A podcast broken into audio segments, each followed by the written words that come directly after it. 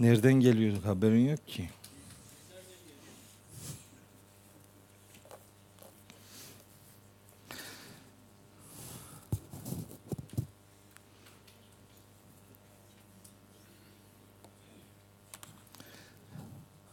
Dersin saatini değiştirsek olmaz mı ya? Öğleden sonra on, bir buçuk yapsak bunu ne olur? Hakkında ayet mi var nedir bu ya?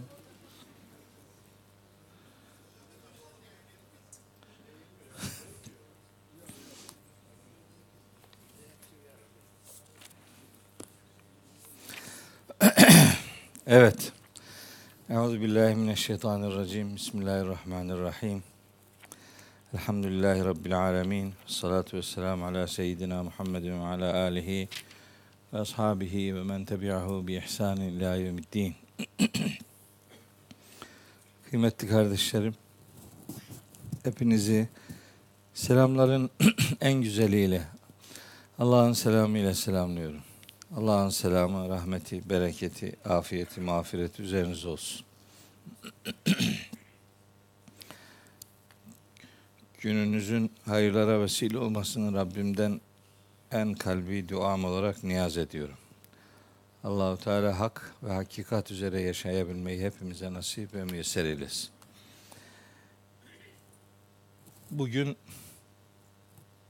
Kaf suresiyle başlayacağız inşallah. İlk defa belki bugün ilan ettiğim ayetleri kısa tuttum.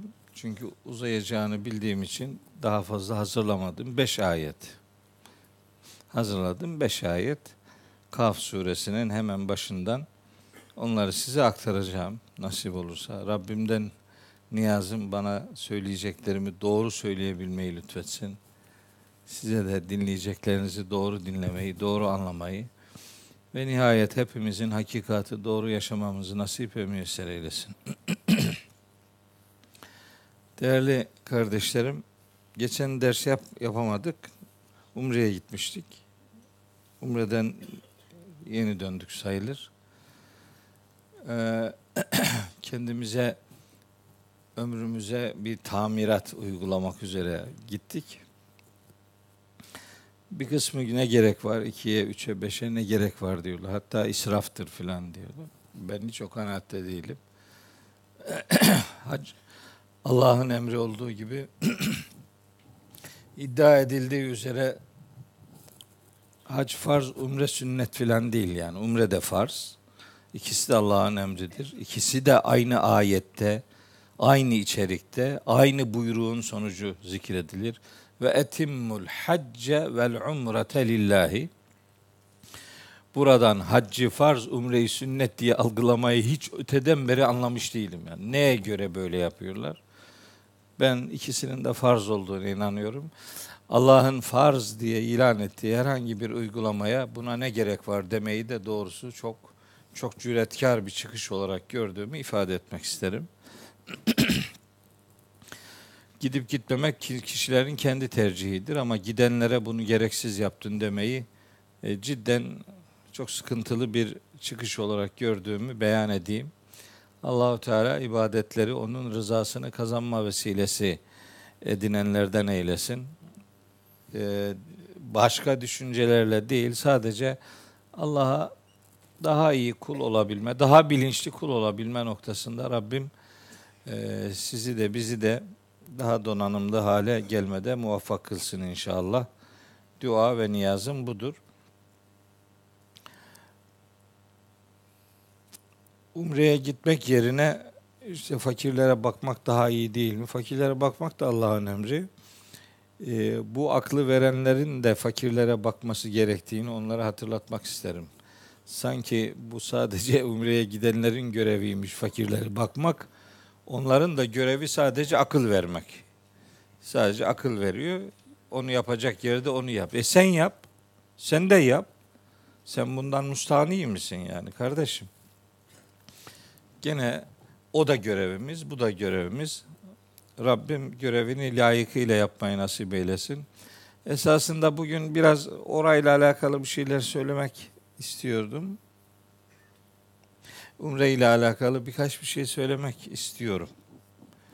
Ee, orada beraber olduğumuz gruba uzun süre yaptığım konuşmalarda düşüncelerimi ifade ettim. Fakat Umre'nin genel yapısı itibariyle hani ümmetin bir ve beraber olması lazım gelen hani diyelim ki mesleğin, meşrebin, gidişatın, cinsiyetin e, artık önde olmadığı bir bir ve beraber vahdetin göründüğü, görünmesi gereken bir ibadettir. Hele ki meselenin ihram boyutu, işte tavaf boyutu, sa'i boyutu filan. Gördüm ki orada da hani ümmetin vahdetini öne çıkartmak yerine e, küçük mikro gruplar oluşturuyoruz. Hala orada da hepimiz birbirimizdeniz. Bu görüntüyü vermek yerine hala biz ayrıyız. E, görüntüsü çok rahatsız edici bir görüntü. Gerek bunu kisve, giysi olarak, gerek yaptığı eylemler olarak, gerekse komut halinde okunan dualar olarak. Ya şunu hiç anlayamıyorum. Tavaf yapıyorsunuz. Adam oradan komutla size dua okutturuyor. Rabbena Rabbena atina atina fid dünya fid dünya. Ya bu adam bunu her namazda okuyor. Bırak adamı ya. Bırak komutla dua yaptırma adama. Bırak Allah'ından istediğini kendisi istesin. Duyduğu gibi hissetsin. Yüreğinden geldiği gibi söylesin. Hatta mümkünse bırak söylemesin. Yüreğinden bunu e, içine seslensin yani. Nedir bu komut halinde? Zaten önden okuyanın dediğini arkadakiler bir kısmı bir, bir iki sıra duyuyor, gerisi duymuyor. O gerisinin söylediklerini Allah iyi ki de kabul etmiyor. Yani neler söylüyor sorma gitsin yani. Öyle acayip şeyler, öyle öyle acayip cümleler duydum ki yani şaşırırsınız. bir gün bir tanesi böyle almış takımı yanına komutla onlara şey veriyor, direktif veriyor. ben de tam yanlarındayım. Tam yanlarındayım. Hani o hervele diye böyle bir gösterişli bir şey var. Hafif bir yürüme biçimi. dedim ki takımın liderine. Dedim, bu ne yapıyorsunuz dedim. Bunu niye böyle yapıyorsunuz dedim. Bana dedi ki sen anlamazsın dedi. Doğru anlamadım onun için soruyorum dedim zaten yani. Bu, buna hervele derler. Tamam niye yapıyorsunuz dedim bunu. Sebebi ne? Bu dedi güç gösterisidir dedi. Ama dedim onu bu sağ elin de açıkta olması lazım. Hani pazuyu gösterme anlamında. Biz güçlüyüz filan diye. Ama bunu müşriklere karşı göstermek gerekiyor. Sen bunu Müslümanlara karşı gösteriyorsun. Bir yanlışlık var dedim burada yani. Bu yanındakiler müşrik değil, Müslüman. Bu müşrikler, müşriklere karşıydı bu iş. Sen Müslümanlara karşı güç gösterisinde bulunuyorsun. De. Sen ne iş yapıyorsun dedi bana adam. Dedim ki ben işte ilahiyatta görevliyim filan. Adım da Mehmet okuyan değil. Ha o sen misin dedi. Evet. O benim dedim. Bırak şu milleti Allah'a kul olsunlar. Bırak talimatla milleti böyle güya disipline etme adına onu yüreğinden koparmanın bir manası yok kardeşim dedim. Yapmayın bunu. İşte o, o öyle oluyor ama dedi adam dua etmesini bilmiyor. Bırakmıyorsun ki. Bırak da e, bilmez. Bırak. Bilmediği gibi yapsın ya. Yani hocam bildiğin gibi değil diyor işte bu hep yanlış okuyor. Ya tabii yanlış okuyor zaten. Bırak o duasını anladığı dilden yapsın arkadaş. Bir o arıza çok rahatsız etti beni. Yani böyle o kadar büyük kalabalığın içinde hani mikro milliyetçilikler yani böyle küçük küçük biz burada buradayız. Bu görüntü cidden çok rahatsız edici bir görüntü. Ee, bir de bu şimdi istilam var ya istilam yapıyoruz. Hacer Esved'i işte böyle başlarken Bismillah Allahu Ekber diyerek istilam yapıyoruz. Orada da zaten sıkışıyor trafik. Çünkü orada duruyor böyle duruyor. Ya devam etsene ya Allah Allah böyle elini kaldır Bismillah Allahu Ekber de git. Yok orada orada ida duruyor. Hatta böyle eğilenler falan var. Tabi bazı e, yani tam Hacer Esved görünmüyor. Nereden göreceksin onu? Kalabalık zaten. Hele sol tarafta biraz vücutlu birileri varsa zaten görme şansın hiç yok. O Hacer Esved'in hani o sağ tarafta işareti var. ışıklar var orada filan. Bir kısmı oraya istilam ediyor. Yeşil ışığa istilam ediyor. Dedim ya ne yapıyorsun arkadaş? Bu tarafa değil bu tarafa bu tarafa bu Hacer Esved bu tarafta. Buraya dedi bize dediler ki o tarafa. Size öyle demediler yanlış anlama dedim. Size dediler ki yani oraya gelince istilamı yapacaksın diye beyim ışığa istilam yapıyor. Bazen böyle cidden çok acayip bilgisizlik örnekleri de maalesef var. Ama ne olursa olsun e, yine de muhteşem bir ibadet. Tabi orada tavaf yaparken telefonla efendim naklen yayınlar, selfie yapanlar işte böyle bir de şey gördüm orada. Şimdi adamın adını yazıyor buraya kağıda. Alıyor telefonu eline. Oradan da Kabe'yi gösteriyor. Böyle diyor ki al bak şimdi seni yazdım. Kabe de orada. Sana selam ediyorum filan. Bu ya ya ne diyeceğimi şaşırıyorum tabii. Ben de baktım ki orada olmuyor bu iş. Hep dikkatimi dağıtıyorlar. Orada zaten sıkışık biliyorsunuz. Çok sıkışık. Böyle kimse kendine hakim olmuyor. Böyle daldıran var filan bilmem ne. Hele Hacer Esved'e doğru yanaşınca zaten kendinden geçenler var filan. Baktım ki olmuyor. Ben üst kattan tavaf yapıyordum. En üstten. Ee, üçüncü kattan tavaf yapınca işte biraz kilometresi fazla oluyor. Aşağıdaki mesela 15 dakikada bir tavafı bitiriyor. Biz yukarıda 45 dakika sonra akşam eve gelince işte yarışıyoruz. Kaç tavaf yaptın filan. E bizimki yarış dışı. Yani aşağıdaki 10 dakikada dönüyor. Yukarıdaki e ben şu kadar yaptım. Böyle bir e, tavaf yarıştırma şeyi var. Aslında ne yaptığını bilmeyenler e, sayılarla uğraşırlar. Böyle böyle oluyor maalesef. Yeni bir şey daha öğrendim bu umreye gidişimde. Mesela akşam otele gelince kaç adım attın? Adım yarıştırmalar var. 25 bin, 5 bin, 35 bin, 40 bin birbiriyle yarışıyorlar. Eğer biri yarışı kaybetmişse yani ondan sonra de tüh boşuna gezdik diyor filan. Aman Allah'ım. Ya bak şimdi acayip işler oluyor. Bu arızaları olsa bile elbette başka sıkıntılar da var. Ama Allah'ın bir emrini yerine getiriyor olmanın derin huzurunu e, yaşamak gerekiyor. E, bütün kardeşlerime imkanlar el verdiği sürece bu ibadeti önemsemeleri gerektiğini e, bir daha hatırlatmış olayım. Bu vesileyle makbul bir ibadetle Rabbim sizi de bizi de e, muha, e, iyilikleriyle ödüllendirsin. Kötü davranışlardan hepimizi muhafaza buyursun inşallah. Tabi bu ara geçen hafta işte yaşanan deprem olayı da elbette yüreğimizi burktu. Elazığ'da ve Malatya'da ki depremde vefat eden kardeşlerimize Rabbim rahmetiyle muamele buyursun.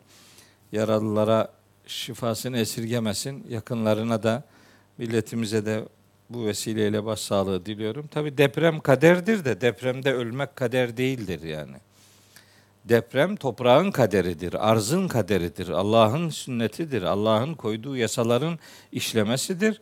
Fakat arızalı binalar yapıldığı için orada ölmek kader değildir yani. Bu, bu e, korkunç bir ihmaldir. Bu ihmalin yaşanmaması adına tedbirlerin mutlak surette alınması gerektiğini de bir vesileyle muhataplarımıza aktarmış olalım. Rabbim o tür felaketlerden de e, kardeşlerimizi, insanlığı muhafaza buyursun inşallah. Depremi bir şey gibi algılamayı da yani bir ceza gibi, ille de bir ceza gibi algılamayı da Allah'ın iradesine müdahale gibi görüyorum. Neyin ceza olduğunu Allah bilir. İşte şurada şöyle şeyler oluyordu. Onun için orada deprem oldu filan gibi yani neyin niye olduğunu sadece Rabbimizin bildiği bir hakikati başkalarının da biliyor görüntüsü vermesini hiç doğru bulmuyorum.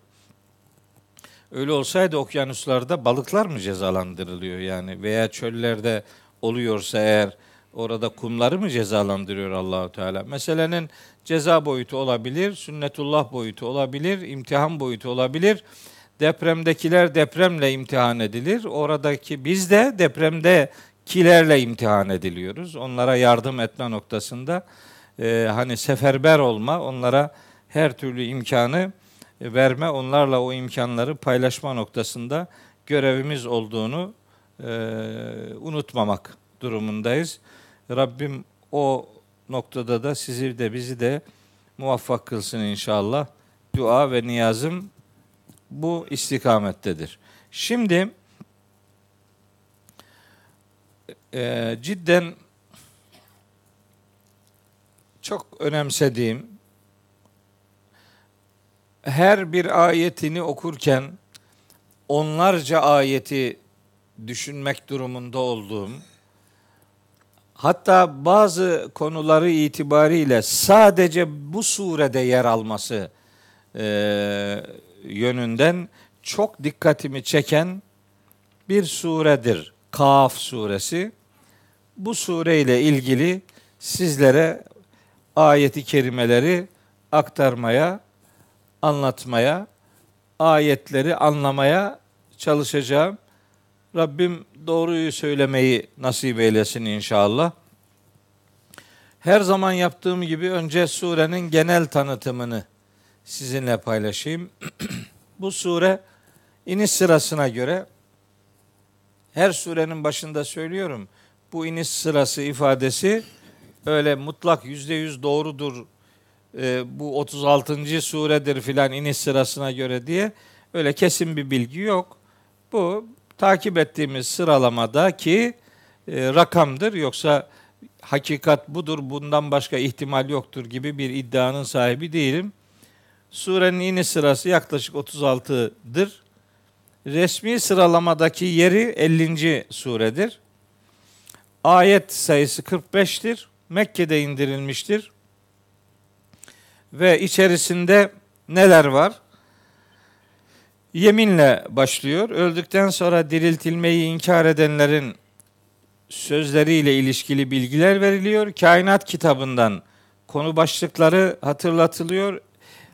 Eskiden helak edilen bazı milletlere kısaca gönderme yapılıyor. Rabbimizin bize şah damarımızdan daha yakın olduğu ifadesi sadece işte bu surede geçen 16. ayette. Onu e, hatırlatmış olayım. Yaptığımız davranışların anında kaydedildiği bilgisi burada yer alır. Aynı zamanda e, İnfitar suresinde de var benzer bir konu. Mahşerde yaşanacak bir takım e, sıkıntılı süreçler, azapla ilgili karşılaşılacak şeylerle e, iyilik yapanların güzel akıbetine dair bilgiler verilir. Ve yine Kur'an-ı Kerim'de sadece bu surede geçen bir e, diyalog var. O da cehennemin konuşturulması diyaloğu. Cehennemin konuşturulması 30. ayette Rabbimiz ona gönderme yapar. Yevme nekulu li cehenneme helim tele'ti. O gün cehenneme diyeceğiz ki doldun mu? Ve tekulu hel mezidin. O da diyecek ki daha yok mu yani? Dolmadı. Ee, böyle bir mecazi bir konuşmanın yaşanacağı haber veriliyor. Ondan sonra tabi arada başka bilgiler de var. O detayları vermiyorum. Nihayetinde bu sureyi okurken o ayetlere uzun uzadıya gönderme yapacağız.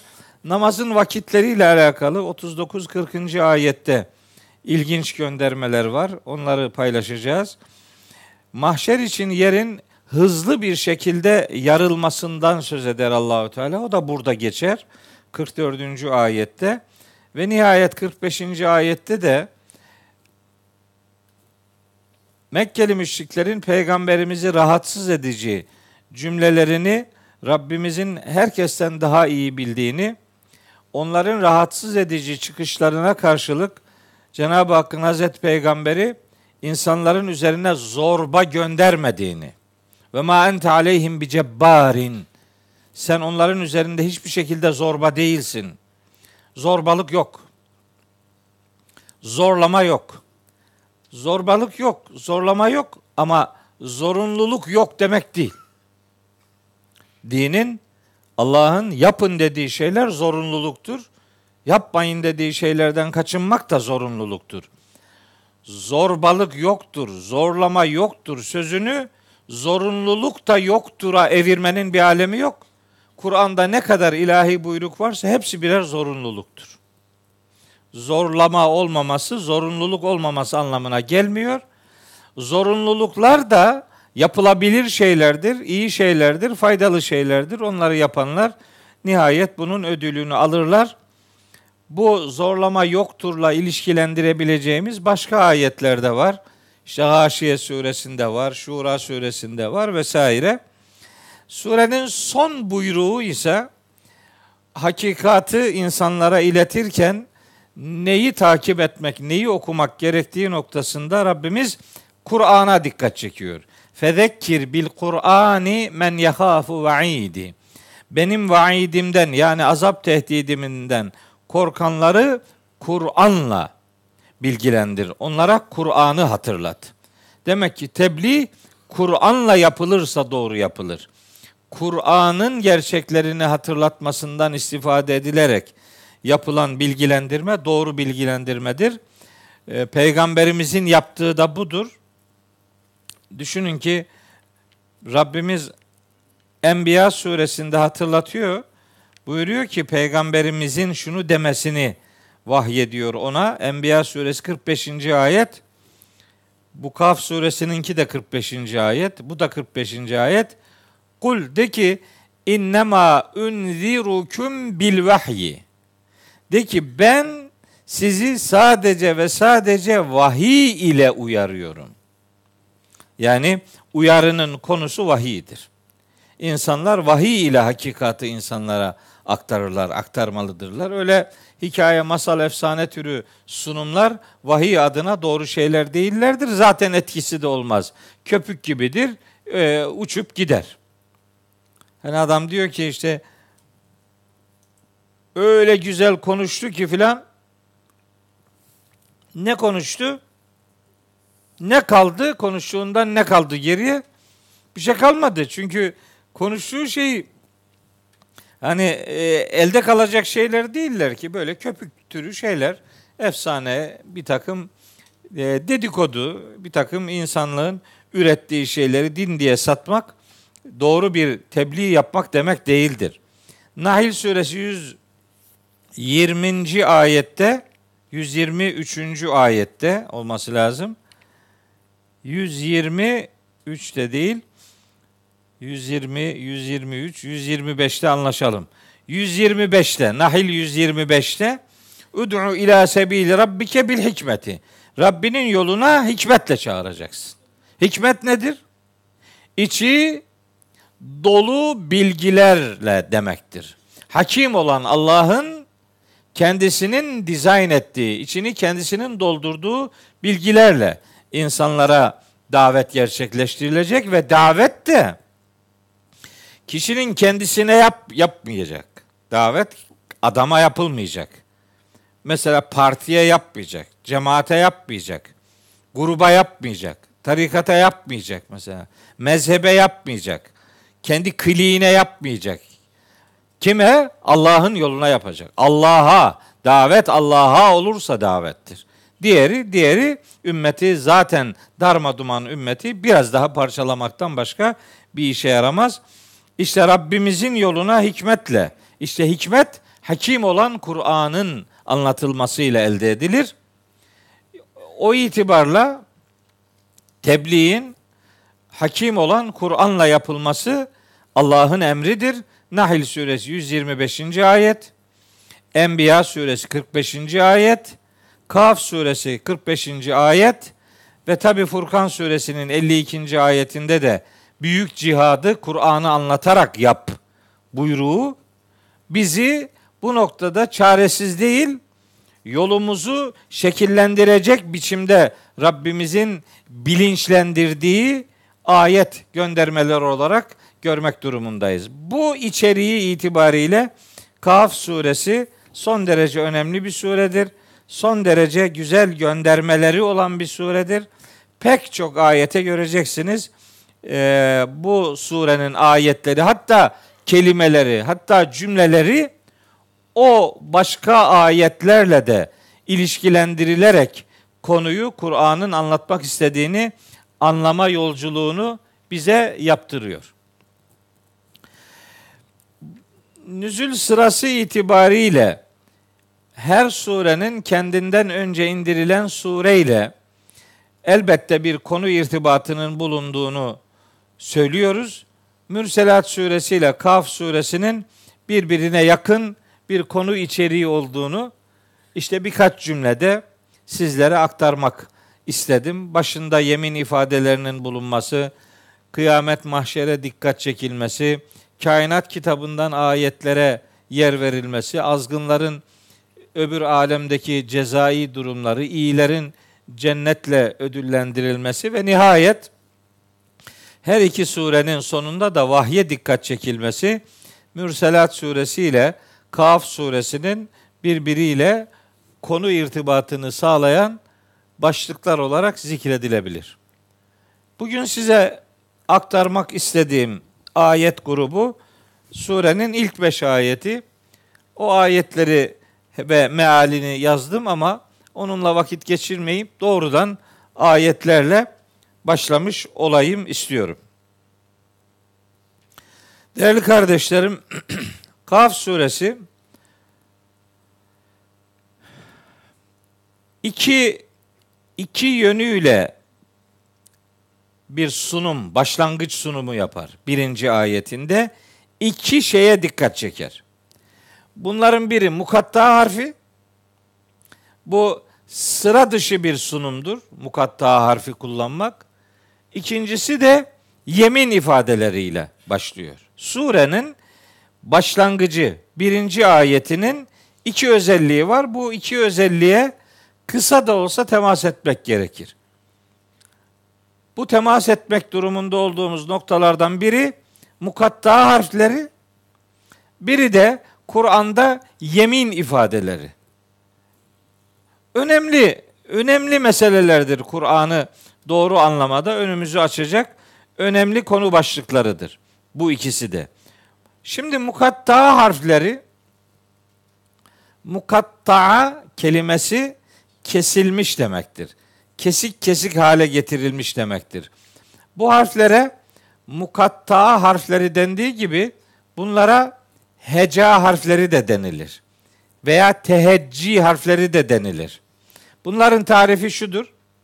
Kur'an'da 29 surenin başında bulunan 14 harften oluşan 14 farklı şekilde dizayn edilen harekelenerek değil hecelenerek okunan harflere mukatta harfleri denilir. Bunların tarifi budur. Yani 29 surenin başında var. Bu 29 surenin 27'si Mekki, ikisi Medeni. Bakara ve Ali İmran Medeni, geri kalanlar Mekki. 29 surenin başında bulunuyor. Bu harfler 14 tanedir. 14 harftir. Yani alfabenin yarısını oluşturan harflerdir. 14 harf. Bunlar 14 değişik şekilde önümüze getirilir. Harekelenerek değil, hecelenerek okunurlar.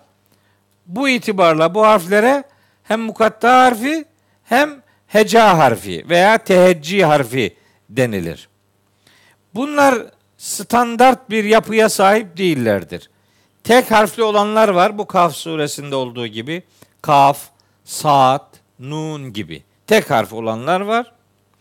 Mesela Hamim, Yasin, Tasin, Taha gibi iki harfli olanlar var. İki harfli olanlar var. Elif, Lam, Mim, Elif, Lam, Ra, Tasin, Mim gibi üç harfli olanlar var. Elif, Lam, Mim, Ra, Elif, Lam, Mim, Sad gibi dört harfli olanlar var. Kaf, Ha, Ya, Ayn, Sad ve Hamim, Ayn, Sin, Kaf gibi beş harfli olanlar var. gördüğünüz üzere oldukça renkli, oldukça e, bence üzerinde mutlaka düşünülmesi gereken, hani bunların manası yoktur demeyi çok zahit buluyorum. Bunlar Allah'ın manasını başkalarına bildirmediği, kendisiyle peygamberi arasında şifre olarak bıraktığı sunumlardır. Sözüne de hiç itibar etmiyorum. Allah'ın kitabında yer alan her şey anlaşılabilir olmak durumundadır. Yüzde yüz manası şudur diye kestirip atılamazsa bile yaklaşık manalar vermekte herhangi bir engel söz konusu değildir. Zaten İslam alimleri de bu konuda öyle sessiz filan kalmış değillerdir. Mühim olan anlamın, maksadın şu olduğunu kestirip atmamaktır. Bunlar hakkında sözün tükenmeyeceği ayetlerdir. Bunlar üzerinde nice nice düşünceler üretilebilir. İyi ki de bunların manası yoktur cümlesi çok revaç bulmamış. Çünkü eğer çok revaç bulsaydı bir süre sonra bunların nasıl olsa manası yoktur. Bunlar Kur'an'dan da değildir demeye başlayabilirlerdi birileri. Nitekim müsteşrikler buna benzer çıkışlar yapmışlar. İşte bu harfler vahiy katiplerinin sembolleridir. İşte ha Ebu Hureyre'yi anlatır. Yok bilmem Saat Saat bin Ebi Vakkas'ı anlatır. İşte Nun Osman'ı anlatır e, gibi böyle semboller de üretmişler. Bunları doğru bulmuyoruz bir defa. Asla doğru bulmuyoruz. Çünkü biz bu harflerin manası bilinemez sözünü doğru bulmuyoruz. Bu harflerin manası bal gibi de bilinir. Ee, ben bilememiş olabilirim. Filanca dönem bilinememiş olabilir. Ama prensip olarak bunlar bilinemez diye tanıtılmamalıdır. Kur'an-ı Kerim'de bilinemeyen, anlaşılamayan şey elbet olmaz, olamaz, olmamalıdır. Biz onun üzerinden e, bütün mesaimizi sarf ederek Kitabullah'ın neyi kastettiğini öğrenmeye gayret ederiz. İşte yolculuğumuz budur. Bu harfler işte alimlerin de böyle sessiz kalmadığı harflerdir diyorum. Nitekim mesela Taha, Yasin peygamberimizin ismi olarak bilinir. Surelerin isimleri olarak kullanılanlar var. Kur'an'ın ismi olarak kullanılanlar var. Hatta kaf harfi ile alakalı bunun Cenab-ı Hakk'ın isimlerinden biri olduğunu söylüyor mesela müfessir Katade. Kur'an'ın isimlerinden biri olduğu söyleniyor.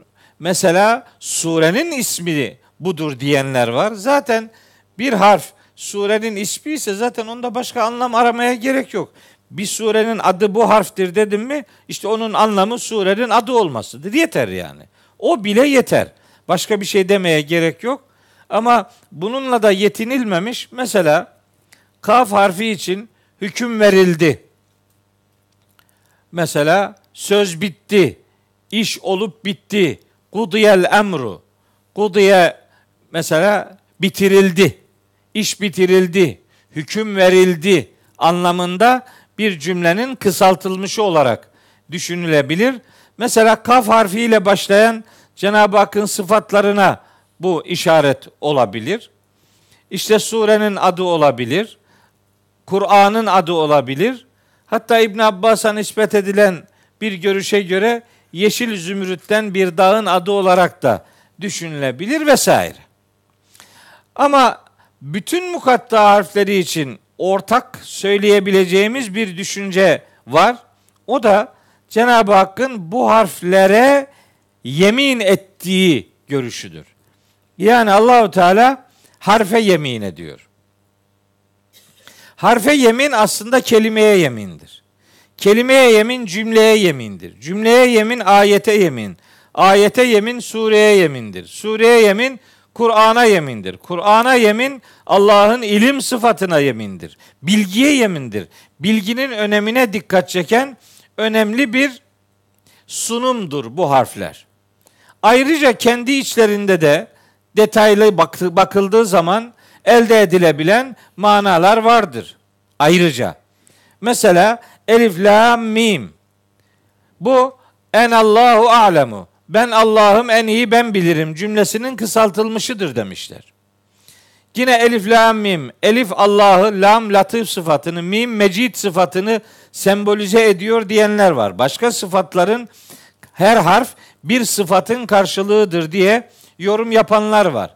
Bunların manası yoktur ya da manası bilinemez demeye göre bu tür yaklaşımlar ortaya koymak kesin yüzde yüz maksat budur dememek kaydıyla bir takım görüşler ileri sürmenin önünde herhangi bir engel yok.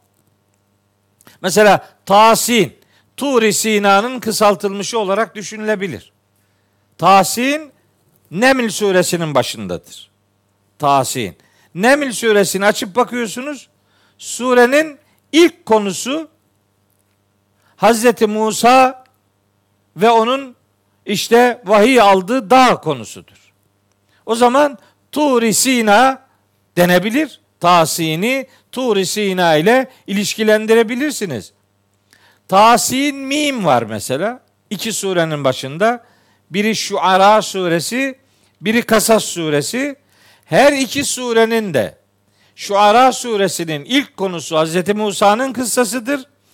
Kasas suresinin büyük ölçüde konusu Hz. Musa'dır. O zaman Musa'nın vahiy aldığı Turi Sina cümlesinin kısaltılmışı tasin mimdir derseniz çok yanlış bir şey söylemiş olmazsınız. Orayı yani harfleri içerikle ilişkilendirirsiniz. Bakın söyleyeyim. Bu harfler dediğim gibi 29 surenin başında var. Hangi surenin başında varsa bu harfler o surenin içeriğinde mutlaka geçmiş peygamberlerden ve onların risalet öğretilerinden bir sunum vardır. O zaman bu harfleri o peygamberlerin kitaplarına ve o peygamberlerin kendilerine dair sembolik bir gönderme olarak kabul edebilirsiniz. Şimdi düşünün. Diyelim ki kafa ya ayin saat. Beş tane harf var. Açıyorsunuz Meryem suresini. Bakıyorsun. Bir, Zekeriya ile başlıyor. İki, Yahya. Üç, İsa. Dört, İbrahim. Beş, Musa. Altı, İsmail. Yedi, İdris aleyhissalatu vesselam. Peygamberler var. Yani bu harfler o peygamberlerin isimlerinin sembolleri, simgeleri olabilirler. Hadi Şura suresine bakın. Hamim, Ayn, Sin, Kaf. Beş tane harf var. Hemen 13. ayete geliyorsunuz. 13. ayete cümle şu. Şer'a leküm mined dini ma vassa bihi Nuhan vellezî evhayna ileyke ve ma vassayna bihi İbrahim'e ve Musa ve İsa en ekimud dine ve la teteferraku fihi. Nuh'u, Hazreti Peygamberi, Hazreti İbrahim'i, Hazreti Musa'yı, Hazreti İsa'yı orada Cenab-ı Hak söylüyor 13. ayette. Beş peygamberi söylüyor, beş tane harf var surenin başında. Bunların manası yoktur, bilinemezdir demektense böyle eşleştirmeler yapmak çok daha makul bir bakış açısıdır. Hem böyle harfler üzerinden, semboller üzerinden düşünceler geliştirmek her dilde var. Türkçede yok mu yani bu? Biz kullanmıyor muyuz yani? Mesela TC deyince bunun ne olduğunu anlamayan var mı Allah aşkına ya? TC, bu TC nedir ben bunu bilmiyorum. Bunu diyen kimse yok. TR, TR Türkiye. İşte TR, TR bir, bir de Trabzon kısmı var onun. Neyse. TR, bugün iyiyiz onu da söyleyeyim. Allah'a bin şükür. Dün öldük öldük dirildik. Ama neyse olsun. Fenerbahçelilere sabrı cemil niyaz ediyorum. Ama tebrik ediyorum. Fenerbahçe bizden daha iyi oynadı. Öyle, her zaman değil. Kim dedi? Her zaman değil. Dün öyleydi. Ama bu nasıl oynadığı hatırlamaz millet. Kim kazandığı hatırlar. Biz kazandık. Evet. Bu sene ümidimiz var bakalım. Neyse. Diyelim ki mesela TBMM diye dört tane harf var mesela. Bu TBMM neymiş diye diyen var mı ya? Herkes biliyor. PTT. Üç tane harf. Bu PTT neyin nesidir? Kimse demez ya. Yani harfler, semboller büyük cümlelerin kısaltılmışıdır. Bu harfleri de böyle algılayabilirsiniz. Bu harfler surenin içeriğinin özeti olarak sunulabilir. Nihayet yani cidden böyle bağı vardır. Bu, bu harflerin sureyle bağı vardır. Hatta ben şimdi İbn Abbas'a Allah ona rahmetiyle muamele buyursun. Ee, İbn Abbas'ın o kadar çok seviyorum ki İbn Abbas'ı. O kadar muhteşem zekası var ki, o kadar hayranım ki onun zekasına. Diyor ki İbn Abbas, bak diyor. Bu harflerden, bu harflerle ilgili konuşuyor. Diyor ki, mesela diyor Elif, Lam, Ra. Var mı? Var. Pek çok surenin başında var. Yunus suresiyle başlayan o sırada hep Elif, Lam, Ra'lar vardır. Yunus'ta, Hud'da, Yusuf'ta, işte ondan sonra İbrahim'de, Hicr'de Elif, Lam, Ra vardır. Elif lam ra'yı yazın diyor. Elif lam ra. Sonra yanına bir tane hamim koyun. Hamimler 5 surenin başında var. Hamimleri yaz. Elif lam ra'nın yanına hamim. Hamim'in sonuna da Kalem suresinin başındaki nunu koy.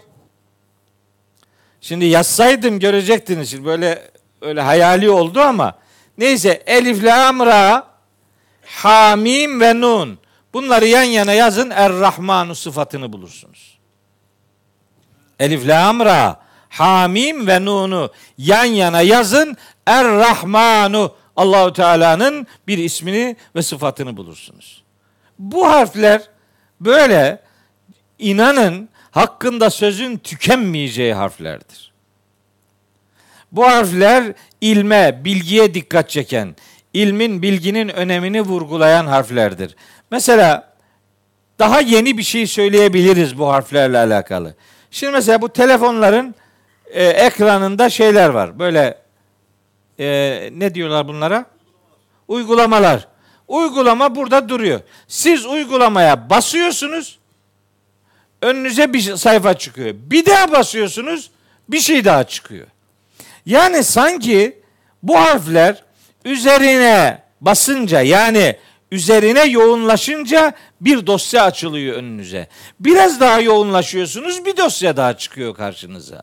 Yani iç içe manalar, iç içe göndermeler. Bu harfler böyle rastgele seçilmiş harfler değillerdir. Şahsen bu alanda böyle çok ince bir çalışma yapmadım. Ama inanın mesela gün gelecek Kaf suresinin başındaki kaf özel manada hangi konunun sembolüdür? Kaf biraz daha içine girildiğinde hangi konular karşımıza çıkıyor? Bunun daha başka bağlantıları nelerdir? Bunu mutlaka kardeşlerimiz günü gelecek keşfedeceklerdir. Kur'an düz bir metin değildir. Yani miladi 610 yılıyla 632 yılları arası Mekke ve Medine'de anlaşıldığı kadarından ibaret bir kitap değildir. Bu kitabın düne dedikleri olduğu gibi güne dedikleri de var, yarına diyecekleri de var. O itibarla bu kitapla ilgimizi, iletişimimizi sıcak tutmak mecburiyetindeyiz. Sözün tükenmeyeceği ve Kur'an'ın muhteşem e, hitap es, estetik örneklerinden bir tanesinin bu harfler olduğunu bu vesileyle sizlere ifade etmiş olayım anlayabildiğim kadarıyla bunları söylüyorum. Anlayabildiğim kadarıyla elbette benden daha iyi anlayanlar elbette vardır. Elbette onların fikri de benim için saygı değerdir. Yeter ki Kur'an üzerinde kafa yorsunlar. Kur'an üzerinde mesai sarf etsinler. Allahu Teala bu izzetli, bu haysiyetli çabayı elbette karşılıksız bırakmayacaktır. Hatta yani şunu da hatırlatayım. Teknik bir bilgi olduğu için hani ıskalamış olmayayım. Bu ayetlerin biliyorsunuz böyle numaralandırılması sonradan yapıldı. Yani Kaf vel Kur'anil Mecid buraya bir koydu ya. Bu bir sonradan konuldu. Bu, bu Cebrail buraya bir Buraya bir koy, buraya iki koy falan böyle bir şey demedi yani. Numaralandırmalar sonradan yapıldı. Numaralandırmalar.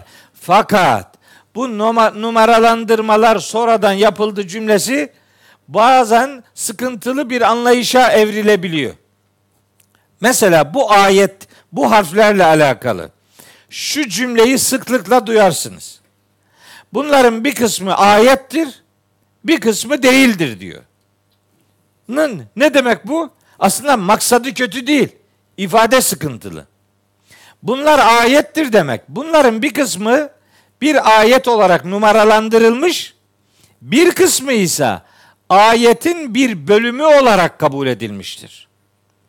Bunlar ayet değildir demek yerine müstakil bir ayet değildir bunların bir kısmı demeyi tercih etmek lazım. Müstakil bir ayet değil, birinci ayetin parçasıdır. Yani bu hassasiyeti gözetmek lazım. Yoksa bunlar ayet değildir ne demek? O zaman bunlar başkası mı koydu buraya yani? Böyle bir algıya kapı aralar. Bunun önünü kesmek lazım. Bu numara numaralandırmada herhangi bir e, herkesin kabul ettiği bir sistem uygulanmadığı için mesela bu harflerin tek olanları müstakil ayet olarak numaralandırılmamış ama iki harf olanları mesela Hamim müstakil bir ayettir. Taha müstakil bir ayet diye numaralandırılmıştır. Yasin müstakil bir ayet olarak numaralandırılmıştır. Fakat aynı şekilde iki harf olan Tasin müstakil bir ayet olarak numaralandırılmamış. Nemil suresinin birinci ayetinin parçası olarak benimsenmiştir. Aynı durum üç harfli olanlarda da var. Mesela elif, lam, ra'lar müstakil bir ayet olarak numaralandırılmamış ama elif, lam, mim o da üç harftir. Onlar numaralandırılmış. Tasin, mim müstakil bir ayet olarak numaralandırılmış.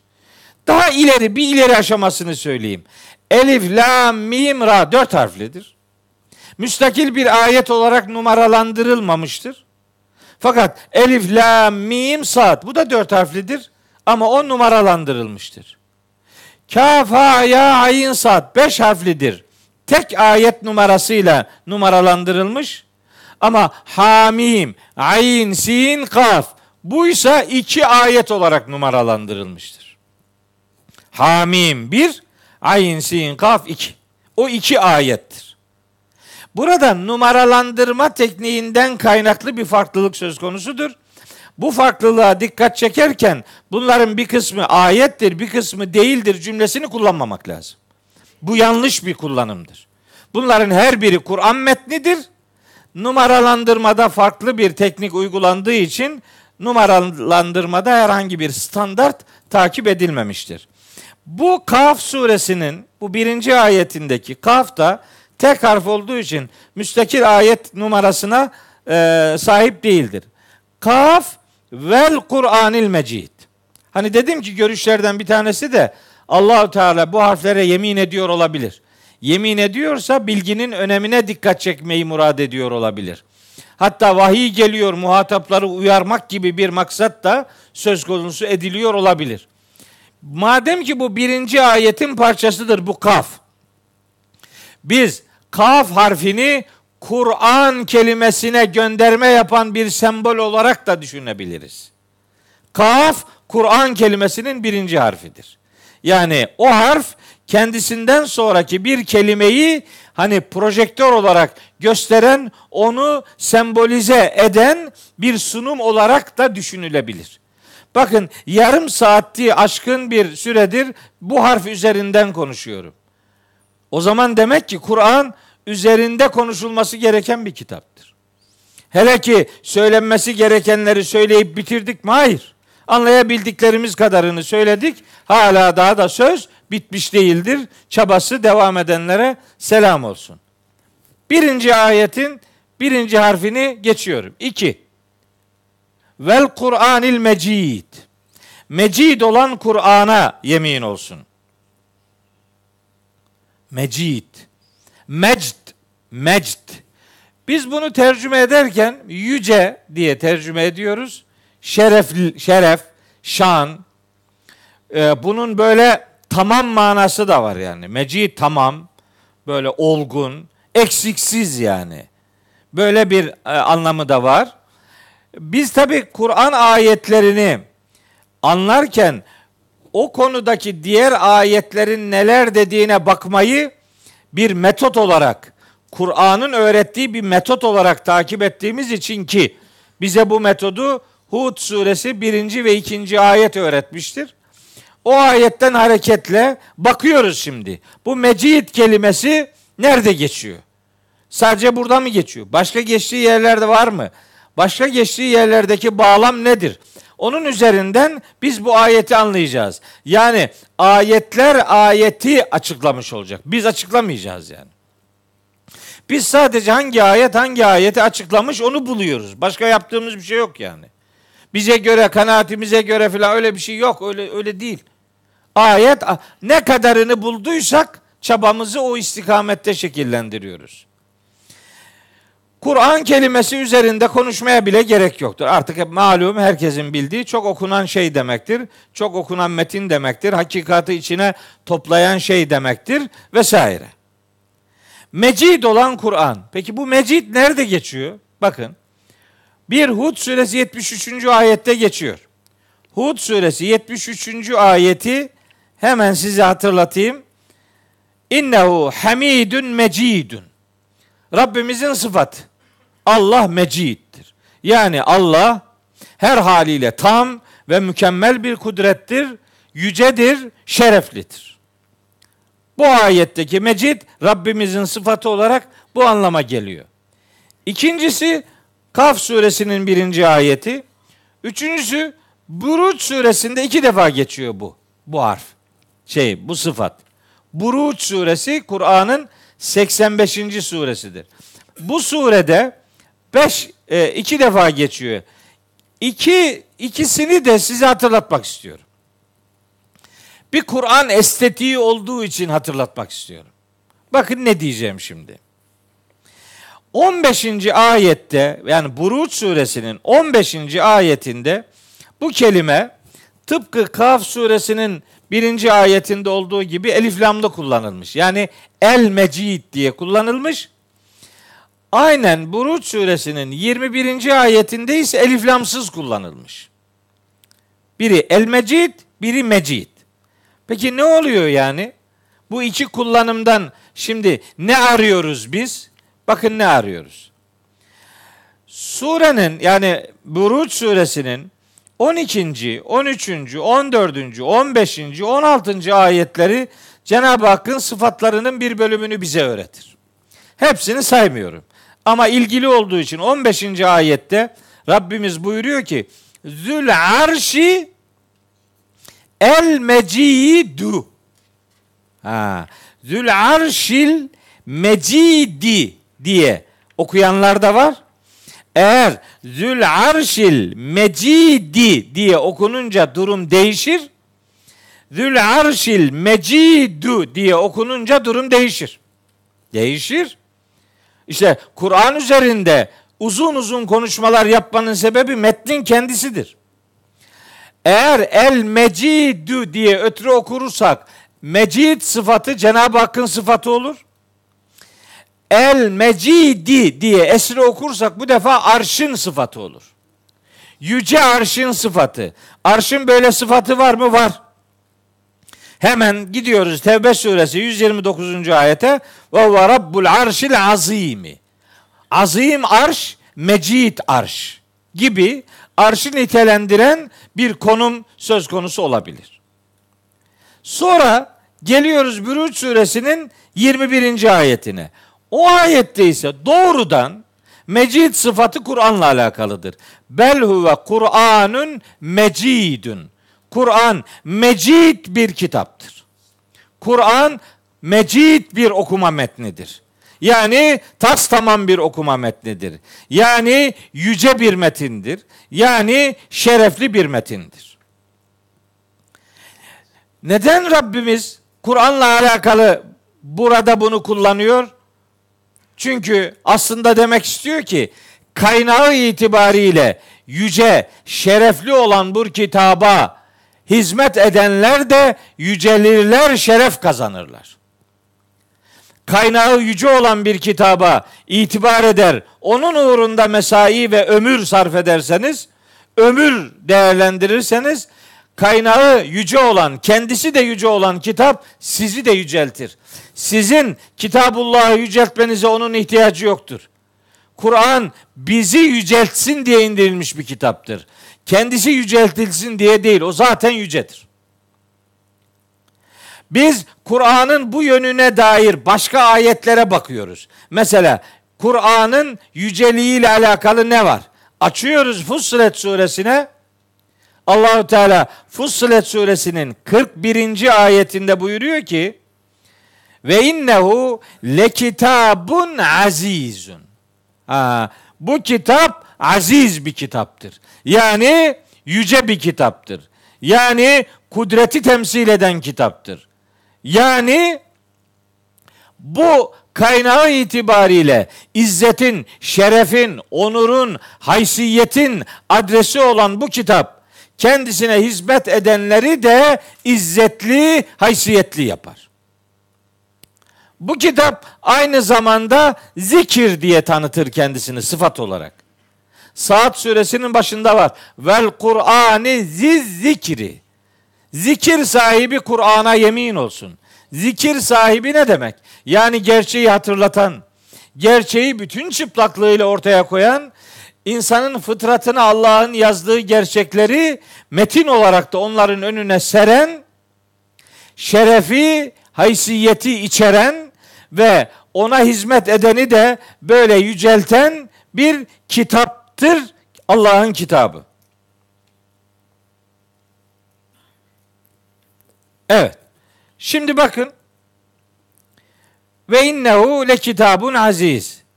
Vel Kur'an ziz zikr. Lekad enzelna ileyküm kitaben fihi zikrukum. Ve innehu le zikrun leke ve li kavmik. Gibi Kur'an zikir göndermesi yapan ayeti kerimeler var. Biz onlardan hareketle diyoruz ki mecid olan Kur'an yüce olan Kur'an. Yani izzeti bünyesinde bulunduran kitap. Yani tas tamam kitap. Yani şerefin temsili kendisinde bulunan kitap. O zaman Allahu Teala bu kitaba yemin ediyor. Niye bu kitaba yemin ediyor? Kur'an'daki yeminlerin maksadı ne? Kur'an'daki yeminlerin maksadı yemin edilen şeyin önemine dikkat çekmektir. Amenna doğrudur. Bu bir tarafıyla doğrudur. Ancak Kur'an'daki yeminlerin yapılmasının sebeplerinden biri ise yemin edilen şeyin insanların şahidi kılınmasıdır. Yani bu yüce kitap sizin şahidiniz olacak haberiniz olsun. Bu kitapla diyaloğunuz sizin şahidiniz olacak. Kitabullah onunla irtibatınızı, diyaloğunuzu, onu hayata katıp katmama noktasındaki tavrınızı öbür alemde şahitleyecektir. Allah'ın yemin etmesinin sebebi yemin edilen şeylerin insanların şahidi kılınmasına dikkat çekilmesidir. İşte bu şahitlikte yerimizi, konumumuzu doğru belirleme adına bir çabanın, bir yolculuğun içerisinde olduğumuzu ifade edelim. Birinci ayet bu. Peki niye yemin ediyor? İşte şahit kılmak için. İşte önemine dikkat çekmek için. Ama yeminlerin asıl sebebi bunların ötesinde daha başka bir şeydir. Yani biz Türkçe'de mesela neden yemin ediyoruz gündelik hayatta? Daha inandırıcı olmak için ya da yeminden sonraki cümlemizin önemini vurgulamak için. O ifadeyi daha güçlü hale getirmek için yemin ederiz. İşte buradaki yeminin güçlü hale getirilmesi amaçlanan mesajı ikinci ayetle alakalıdır. Yani o ayete Rabbimiz dikkat çekiyor. Buyuruyor ki hani teknik bir ufak bir şey daha söyleyeyim. Kur'an'daki bu yemin ifadeleri bazen tek yemindir bir tane bazen böyle bir dizi halinde gelebilir.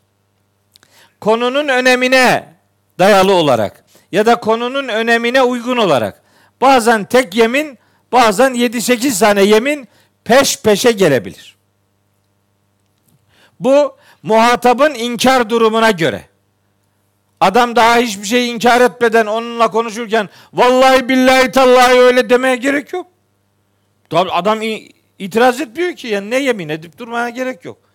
Ama inadına inadına bir karşı çıkışın sahibi ise sözünüzü inandırıcı kılmak için yemin ifadeleri kullanırsınız. Bu bir taneden başlar daha ileri sayıya kadar devam edebilir. Şimdi bu yeminlerden sonra Rabbimiz buyuruyor ki bakın muhataplar Mekkeliler. Bunların en önemli problemi ahirete inanç problemi. En önemli problemlerinden biri diyelim. Ahirete inanç problemi, Cenab-ı Hakk'ın hayatı dizayn etme inancı, bir de risalet konusu. Bunlar üç konuda çok müteredditler. Yani büyük çoğunluğu inanmıyor ama hepsi inanmıyor diye de bütüncül bir yaklaşım ortaya koymuyoruz. Çünkü içlerinde ahirete inananlarının bulunduğunu Kur'an bize haber veriyor. Şimdi buyuruyor ki Rabbimiz Bel acibu en ca'ahum munzirun minhum. Bu Arapçada edatlar var. Bu edatlardan biri mesela bel edatı. Bel. Bel edatının hani Türkçe'ye karşılığını verirken kullanacağımız kelime bel bilakis demek. Fakat bu her zaman o manayı vermez. Tıpkı kella edatı gibi. Kella genel manası hayır demektir ama her zaman hayır manası vermez. Yani bir manası yaygın olunca tek manası odur demek doğru değil. Şimdi mesela burada bel acibu diye bilakis diye başlayamazsınız. Niye? Daha daha hem onunla başlıyor zaten. Daha kimse bir şey demedi yani. Metinde başka bir ifade kullanılmadığı için bilakis diye tercümeyi yapmamak lazım. Bel doğrusu esasında bu artık bir tasdik edatı gibi algılanabilir. Doğrusu şu.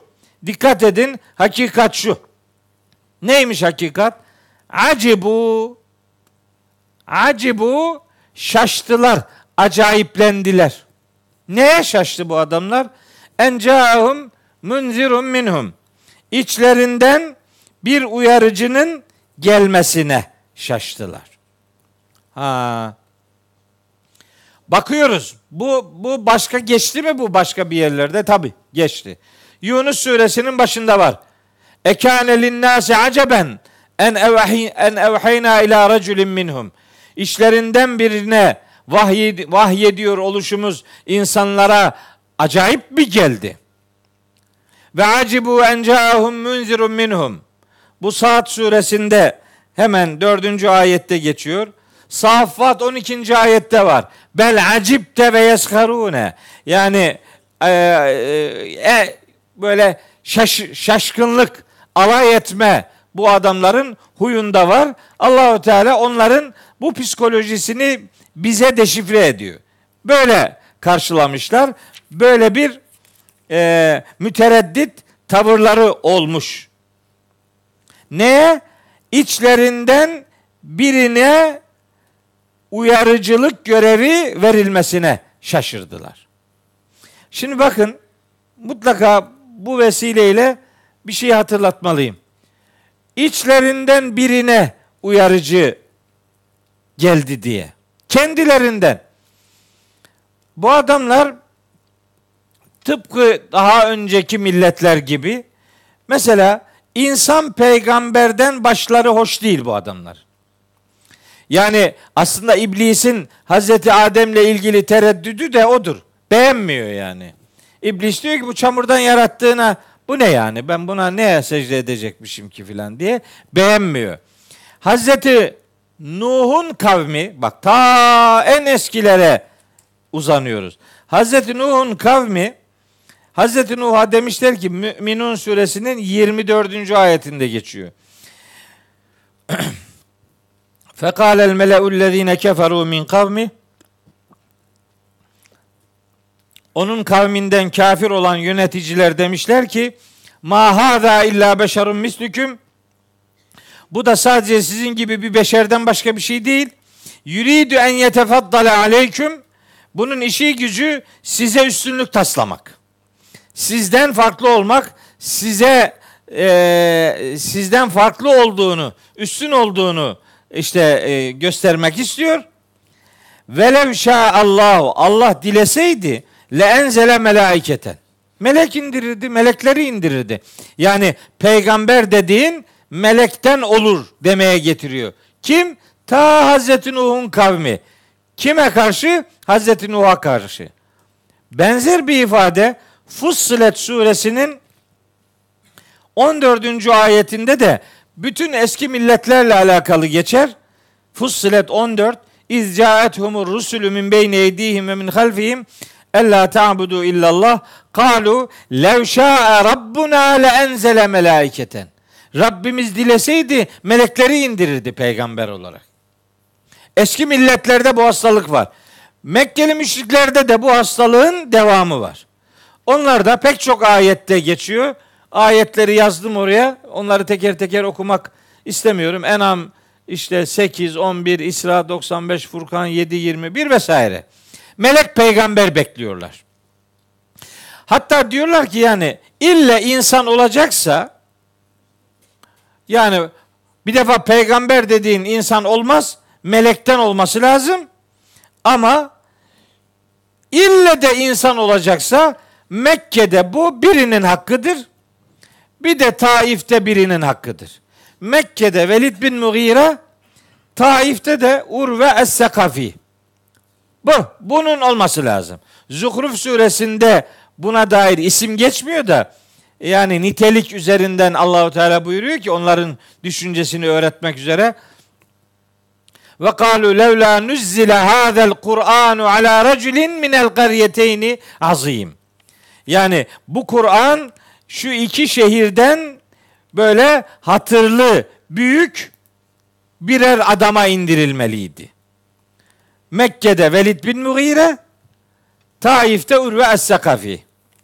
Ha, onlar melek peygamber bekledikleri için yahut da bu iki kişiyi peygamber bekledikleri için başka birinin peygamberliğini benimsemediler. Ve acibu bel acibu en caahum munzirun minhum. İçlerinden bir uyarıcının gelmesine acayiplendiler, şaşırdılar. Ve beklemedikleri bir şey. Çünkü onlara göre yetim ve öksüz Muhammed peygamberliği hak edecek bir durumu yok. Her ne kadar el emin dediyseler de yani onun eminliği güvenilirliği noktasındadır. Yoksa ilahi bilgilerin onlara aktarılmasında herhangi bir görevlendirilmeye layık değildir. Öyle bakmıyorlar. Şimdi size burada bir şey daha söylemek istiyorum. Bakın. Bel acibu en ca'ahum munzirun minhum. Münzirun kelimesini kullanıyor Allahu Teala. Mesela burada şöyle kelimeler de kullanılabilirdi yani. Bel acibu en ca'ahum rasulun minhum diyebilirdi. Bel acibu en ca'ahum nezirun diyebilirdi. Ne bileyim işte nebiyyün diyebilirdi. Beşirun diyebilirdi. Ee, başka kelimeler yani risalet anlamında başka kelimeler kullanabilirdi. Kullanmadı. Neyi kullandı? Münzirun kelimesini kullandı. Münzirun kelimesinin yaygın olarak üç tane anlamı var bildiğimiz. Bu anlamların bir tanesi işte uyarıcı. Bir tanesi tebliğ edici. Bir tanesi korkutucu. Yani genelde bilinen, kullanılan anlamları bu. Fakat kelimenin kök anlamı bu üçü de değildir. Nezir kelimesinin kökü nedere harfleridir. Nedere kelimesi de nedrun, nedr adak demektir. Ee, Bak Bakara suresinde geçiyor. Ve ma enfaktum min nefakatin ev nezertum min nedrin. 270. ayet nedir? Adak. Peygamberlik ve adama nasıl bir anlam ilişkisi e, acaba içerir? Bakın peygamberler kendilerini davalarına adayan adamlardır. Risalet bir adanmışlık kurumudur. Risalet adanmış adam ister. İşte onlar peygamberlerdir. Resullerdir, nebilerdir. Allahu Teala onları adanmışlık üzerinden bir fiyasko ortaya koymayacaklarını bildiği insanları Rabbimiz peygamber olarak görevlendirir. O zaman vahyi kuşanmak da bir adanmışlıktır. Yani Ab Mekkeli Abdullah'ın oğlu Muhammed'i Yüce Allah'ın peygamberi Resul Muhammed'e dönüştüren şey bu vahidir. Yani onu adanmışlıkla nitelendirmemize sebep olan değer vahidir. O zaman bu vahyi kuşananlar bilmelidirler ki kendilerini, ömürlerini, mesailerini, vücutlarını, zihinlerini, kimliklerini davalarına adamalıdırlar. Biz birer münzir, birer nezir olmak durumundayız ve davamıza kendimizi adamalıyız. Mesela adayanlar vardır. Hazreti Hanne karnındaki çocuğu al mabede adamıştır. İnni nedertu leke ma fi batni muharraran. Karnımdaki çocuğu tam bir hürriyet içerisinde sana adadım. Karnındaki çocuğu Allah'a adama Hazreti Hanne ile alakalı bir duyarlılıktır. Ondan öğreniyoruz. Benzer adanmışlıkları Hazreti Zekeriya'nın Hazreti Yahya ile ilgili kullandığı ifadelerde de görüyoruz. Şimdi mesela benim bir çocuğum olsun da ne olursa olsun demeyi çocuğum olsun ve bu Allah'a adanmış olsuna dönüştürmektir adamlık. Bana bir çocuk ver, tas tamam olsun da başka bir şey istemem demeyi bana sana kul olabilecek, senin rızanı kazanabilecek bir çocuk istiyorum'a dönüştürebilmektir yiğitlik. Belki sırf bu nedenledir ki Hazreti Hanne'nin Hazreti Meryem'le alakalı adanmışlık cümlelerine Kur'an yer verir. Belki sırf bu nedenledir ki Hazreti Zekeriya'nın Hazreti Yahya ile alakalı nitelikler sıralaması Kur'an'da yer bulmuştur. Kur'an nasıl çocuk istenmesi lazım geldiğini öğretir. Kur'an bir çocuğun hangi değerlere adanması lazım geldiğini öğretir. Kitabullah böyle kilometreler e, kilometre taşı ortaya koyabilecek bilgiler verir. Meryem suresini okuyorsun. İlk 13 14. 14 ayet okuyorsun. Hazreti Zekeriya'nın Hazreti Yahya ile alakalı düşüncelerini okuyorsun ama bir şey anlamıyorsun yani. Hazreti Zekeriya nasıl bir çocuk istediğini kalem kalem anlatıyor mesela. İlgilenmiyor onunla. Ali İmran suresinde Hazreti Meryem, Hazreti Hanne olayı anlatılıyor. Onun sonunda Hazreti Zekeriya'nın Hazreti Yahya ile alakalı iz, e, bir takım zikrettiği nitelikler var. Bunlar Kur'an'ın hayatımıza dokunan kodlarıdır. Yani bir çocuk nasıl çocuk istenir? Bunu Kur'an öğretir. Bir çocuğun nitelikleri neler olmalıdır? Onları Kur'an öğretir. Neye adanmalıdır? Kur'an mesela çocuk istenirken nasıl istemek lazım geldiğini öğrettiği gibi hayatı nasıl yaşamak lazım geldiğini de öğretir. Ölürken çocuklara neleri tavsiye etmek lazım geldiğini de öğretir. Bu kitap hayatı dokuyan kitaptır. Onun için adanmış adam ister bu kitap. Adanmış. Adanmış adam Kur'an'ın istediği adamdır. Onun için peygamberler için nüzür kelimesini kullanır. Münzirin kelimesini kullanır. Elbette uyarıcılar manasına gelir o kelime. Elbette tebliğ ediciler, elbette azapla korkutucular anlamına gelir ama bunun asıl anlamı Allah'a kendini adayan adam demektir. Nezir ve münzir kelimesini bu içerikte hatırlatmak istedim. Sonra fekâlel kafirune bu kafirler demişler ki fekale bak fekalel kafirune. Şimdi bu kelimelerin öyle okunuşu sıran, sıradan rastgele seçimlerin sonucu değildir. Bel acibu en ca'ahum munzirun minhum fekalel kafirune. Bakın orada fekalel değil de vekalel kafirune deseydi mana değişecekti. Bak F değil de vav deseydi veya F değil de thümme deseydi anlam değişecekti.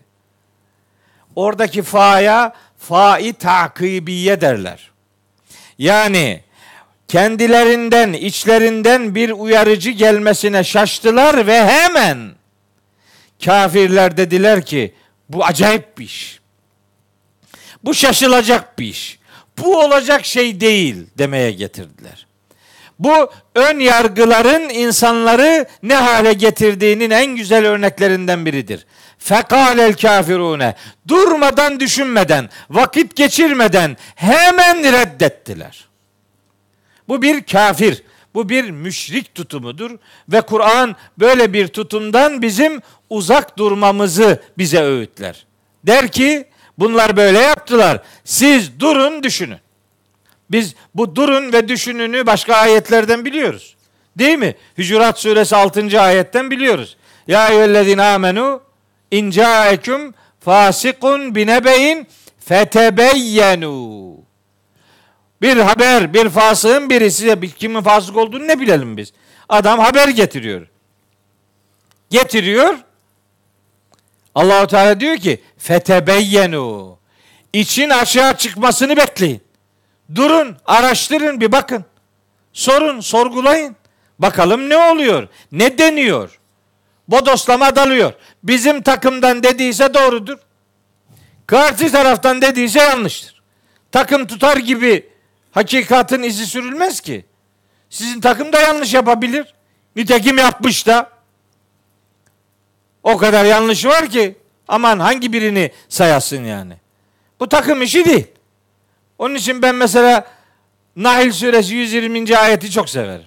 Hepsini severim de o ayeti daha bir severim. Çünkü o ayette Allahu Teala Hazreti İbrahim için diyor ki tek başına bir ümmetti diyor. İnne İbrahim'e kâne ümmeten kaniten. Kâne ümmeten tek başına ümmetti diyor Hazreti İbrahim için.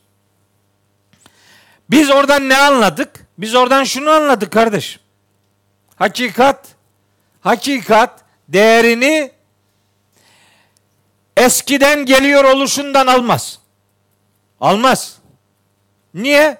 Çünkü sana göre eski olandan daha eskiler var. Sadece eskiden geliyor olmak ölçü değildir. Eskiden gelen her şey yanlıştır demiyorum. Ama sadece eskiden geliyor olmak doğruluğun ölçüsü değildir. Bir, senin eskine göre daha eskiler var çünkü. İki, hakikat değerini taraftar kalabalıklığından da almaz. Niye? Senden daha kalabalık olanlar da var. Ne yapalım şimdi? Hakikat değerini referansından alır. Kaynağından alır. Bu referans vahiy olmak durumundadır. Vahiy ise isterse taraftar az olsun, dert değil. Zaten bütün peygamberler kalabalıklara karşı mücadele etmişlerdir. Öyle bir tekerleme var. Hafif lisanı bozuk olduğu için kullanama, kullanamıyorum onu böyle derslerde ama her zaman aklıma da geliyor. E, dememek için kendim bayağı sabrediyorum. Ama bir diyeceğim onu bir gün. Yani o kadar da o kadar da sabredemem yani. Yani ben sabır taşı değilim ama hafif argo kaçıyor onun için yani. Argo kelime kullanmak istemiyorum bu derslerde. Yani nasıl yuvarlayacağım ben bunu şimdi? Aynı kelimeyi kullanmayınca da mesela bazen fıkra anlatıyor adam. Anlatmasa daha iyi. Niye? Değiştiriyor kelimeleri. Kelimeyi değiştirdin mi onun siyakı sibakı kopar. Olmaz. Kelimeyi ya anlatma ya anlatıyorsan onu anlatacaksın. Doğrudan söyleyeceksin bunu. Anca anlaşılır bu. Şimdi biz onu kullanamıyoruz. Biraz sıkıntılı bir kelime olduğu için. Ama mesela hani derler ki rüzgara karşı bevletme derler yani. Onun da daha şeyi var neyse. Yani o bu bu ne demek biliyor musun yani? Kalabalıkların dediğini yap. Yani çoğunluğun dediğini yap. Onlara karşı bir şey deme. Çünkü onlara karşı bir şey demek bir, kalabalığı karşına almaktır. İki, rüzgara karşı bevletmek. Rüzgar şimdi onun kafasına göre kalabalık ya karşı taraf. O bir rüzgar oluşturuyor. o rüzgar oradan bu tarafa doğru esince sen de rüzgara karşı bevle diyorsan üzerini pisletirsin. Yani kendini kirletirsin. Böyle güya çok şeymiş. Çok böyle çok doğru bir sözmüş gibi yani. Ne alakası var bunun? Ya, yani öyle öyle bir şey demek durumunda değiliz. Rüzgarla ilişkili kullanacaksan uçurtmalar rüzgara karşı yükselirler. Rüzgara arkasına alan uçurtmalar uçmazlar. Rüzgara karşı duranlar yükselirler. Biz uçurtma gibi rüzgarı arkamıza almıyoruz. İcabında karşımıza alıyoruz. Dert değil. Allahu Teala Nasuh Hoca'nın oradan hemen hatırlattı. Esas duruş diye bir ifade var. Sebe suresinde ne diyor Allahu Teala? Kul inne ma aizukum bi vahide en tekumu lillahi mesna ve furada. Gerekiyorsa Allah için tek başına ayakta duracaksın. Bizim takım öyle dedi. Ne yapalım takım yattı. Ne takımı yani? Ben zaten ferdi sporlardan yanayım. Yani başka takım yok. Ben ben e, ben ümmetin bütün fertlerini kardeşim bildiğim için bir takıma daha gerek yok. Ya e, bölündü bölündü parçalandı darma duman oldu. Yani İslam ümmeti cidden acayip rahatsız edici görüntü var. Bir bölünmeye daha e, kapı aralamamak adınadır bu söylediklerim. Biz bunu şunun için söyledim. Hani fekalel kafiruna. Çabuk çabuk hemen kafirler dediler ki bu acayip şaşılacak bir şey. Bu ne biçim bir iş? Böyle peygamber mi olurmuş? Niye bu peygamber oldu? Peygambere ne gerek var? Onlar Allah'a inanıyorlar da peygamber inancıyla ilgili problemleri var. Şimdi ben tabii bir not aldım ama söz uzayacağı için ora şurayı geçmek istiyorum. Onların şaştıkları şey sadece risaletin peygamberimize verilmesi değil. Bununla kalmadılar. O peygamberimize bir sürü suçlamalar ilettiler. Yani sadece durumu sorgulamayla bitirmediler meseleyi. Birbirinden beter suçlamalar ortaya koydular. Dolusuyla suçlamalar dile getirdiler. Bunlar on maddede toplanıyor. Ben onları böyle yazdım. Onlar üzerinde uzun uzun da konuşurum diyordum ama geçiyorum. Ha. Ayet. Üçüncü ayet. Kafir. Kafir inkar eden adam. Üzerini örten, bir şeyin üzerini örtene kafir deniyor. Bunlar hakikatin üzerini örtmüşler. Örttükleri hakikat öldükten sonra diriltilmedir. Bunu dile getirirken bir ifade kullanıyorlar. Diyorlar ki e izâ mitna ve künnâ turaba. E izâ mitna biz öldüğümüz zaman mı ve künnâ turaba ve toprak olduğumuz zaman. Yani ölüp toprak olduğumuz zaman mı? Gerisi yok. Gerisi nerede? Daha önce indirilen surelerdeki konu. Çünkü onların inkar ettikleri mesele öldükten sonra diriltilme. Öldüğümüz ve toprak olduğumuz zaman mı diriltileceğiz? Kur'an'da böyle ifadeler var. Anlarsınız onu. Başka onunla alakalı ayetleri okuduğunuz zaman görürsünüz. Eyna bitta ve künna turaba diye başlayan ayetlerde eyna lemeb'usun gelir. Biz mi dirilteceğiz? Diriltileceğiz. Bir daha mı hayata geleceğiz? Filan diye karşı çıkışları var. Onların o karşı çıkışlarına dair Kur'an-ı Kerim'de dolusuyla ayeti kerime var. Geçiyorum. Bu konuda ayetlerin bir kısmında toprak olmaktan söz edilir. Bazılarında kemik ve ufalanmış toprak, bazılarında çürümüş kemikler, bazılarında tek başına toprak, toprak ve kemik kullanımları var. Anlaşılıyor ki herkesin bildiğini bir tane söyleyeyim de gerisini artık teker teker ifade etmeyeyim. Ee, Nadir bin Haris peygamberimizin yanına geliyor bir tane e, kemik parçası alıyor. Alıyor onu eline böyle eziyor. Diyor ki bu un ufak toz toprak olmuş bu kemik mi? Bunu kim diriltebilirmiş ki? Yasin'de geçiyor. Kale men yuhyil izame ve hiye ramimum. Ramim un ufak. Toz toprak olmuş yani. Bunu kim diriltebilirmiş ki? Burada da aynı soruya gönderme var. Biz öldükten ve toprak olduğumuz zaman mı diriltilecekmişiz? Kabul etmiyorlar. Geçiyorum. Zalike rac'un ba'idun.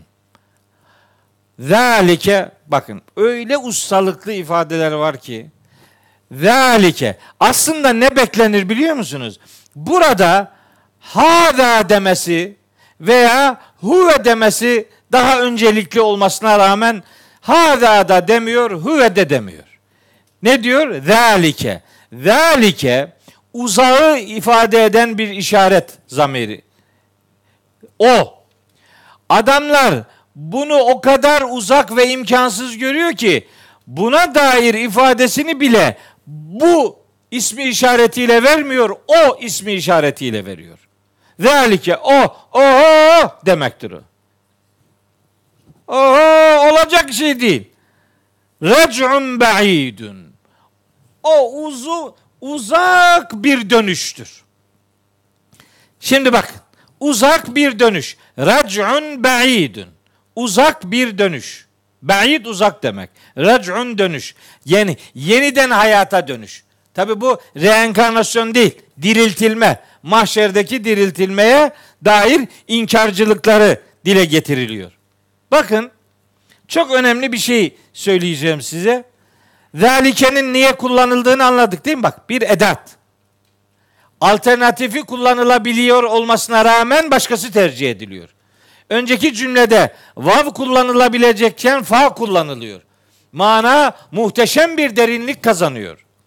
Allah'ın kitabı Ahmet'in Mehmet'in yazdığı düz bir metin değil. Onun için Efendimiz Aleyhisselam buyuruyor ki fadlu kelamillahi ala gayrihi kefadlillahi ala halqihi.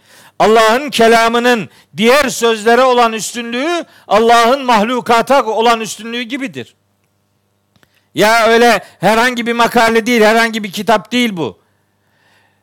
Keyif suresi 110. ayet ile onu hep şaşırıyorum. 110 mudur? 109 mu? Bir bakayım.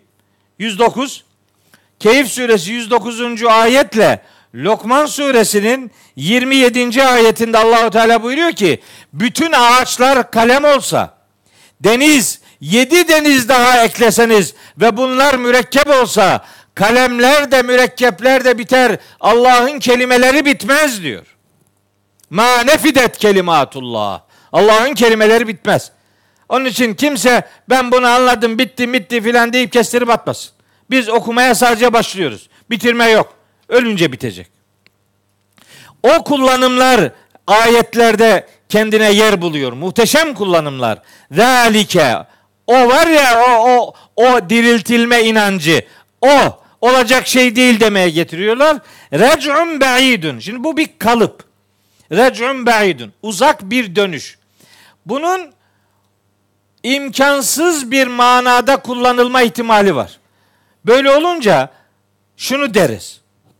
Bunu diyenler öldükten sonra diriltilmeyi zinhar reddedenlerdir. Fakat bu bir dönüştür. Uzak da olsa bir dönüştür diye bakarsanız o zaman Mekke toplumu içerisinde öldükten sonra diriltilmeye inananların bulunduğuna buradan bir işaret elde edersiniz. Peki Mekke toplumunda öldükten sonra diriltilmeye inananlar var mı? Var. Var. Hem Keyif suresinde hem Fussilet suresinde hem efendim nerede? Casiye suresinde hatta Meryem suresinde hatta Müddessir suresinde hatta işte Me'ariç suresinde vesaire öldükten sonra diriltilmeye inananlarının bulunduğunu anlıyoruz. Şefaati ahiretle ilişkilendiren Mekkeli müşriklerin ahiret inancının bulunduğunu da bu vesileyle söylemek durumundayız. Yani Mekkeli müşrikler hiçbiri ahirete inanmıyordu demek doğru bir okuma biçimi değildir. İçlerinde inananlar var, hiç inanmayanlar var. Tabi dehre inananlar var henüz ikna olmadık diyenler var. Tek tip değil yani. Birden çok e, insan grubu var. Racun ba'id hiç inanmayanların kullandığı bu olacak iş değil manasına gelebileceği gibi uzak bir dönüş ihtimalidir diyenler için böyle bir inancı kenarında bucağında da olsa benimseyenlerin bulunduğunu bu vesileyle bu ayetin e, izahı bağlamında kullanıyoruz. Bakın şimdi bunlar böyle şeyler söylüyorlar. Diyorlar ki kemik olduk, toz olduk, toprak olduk, un ufak olduk, efendim rufaten, remimen, efendim darma duman olduk, türab olduk. Bu işler olacak işler değiller. Hani kıyamet suresinde diyorlar ya. Eyahsebul insanu ellen necme'a izamehu. Onun kemiklerini bir araya getiremeyeceğimizi mi zannediyor bu nankör adam? Kemikler bir araya gelemez öyle düşünüyor. Öyle mi? Şimdi bunlara bir cevap veriyor Allahu Teala. Arkadaş, o kadar mı güzel bir cevap? Aslında ayeti yazacaktım uzun uza diye. Sonra dedim ki ayeti yazmayayım, kendim söylerim. İsra suresinde bakın. İsra suresinin 49. ayeti var. İsra 49. Ve kalu eyda künna izamen rufaten. Biz kemik ve un ufak toz toprak haline böyle e, ufanlı, ufanmış bir hale geldiğimiz zaman mı e inna lemeb'usune halkan cedida. Yeni bir yaratılışla biz mi diriltilecekmişiz diyorlar. Bakın cevaba. İsra 49'la başladık. 50. Diyor ki Allahu Teala. Kul de ki bunu diyenlere.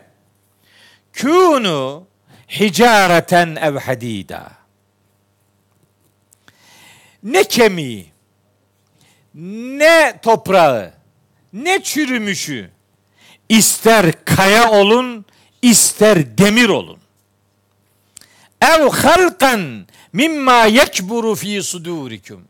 İsterse gönüllerinizde abartıp durduğunuz türden bir başka yaratık olun. Ne olursanız olun öldükten sonra toprak olmak, kemik olmak filan bırak toprağı ve kemiği diyor Allahu Teala. İster taş ol, ister demir ol. İstersen gönüllerinizde büyüttüğünüz başka yaratık olun. Aslında ne demek? Şimdi bugün için onu kullanınca çelik ol mesela. Değil mi? Daha sert. Feseyekulune men yu'iduna. Diyorlar ki bizi kim iade edecek bu hayata? Kul de ki ellezî fataraküm evvele merratin.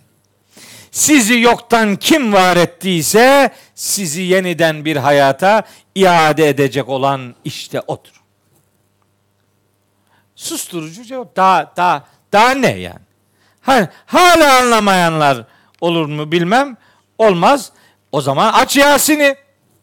Yasin'de de diyor ki kim diriltilecekmiş? Bu un ufak toz toprak olmuş e, kemikleri kim diriltilecek, diriltecekmiş?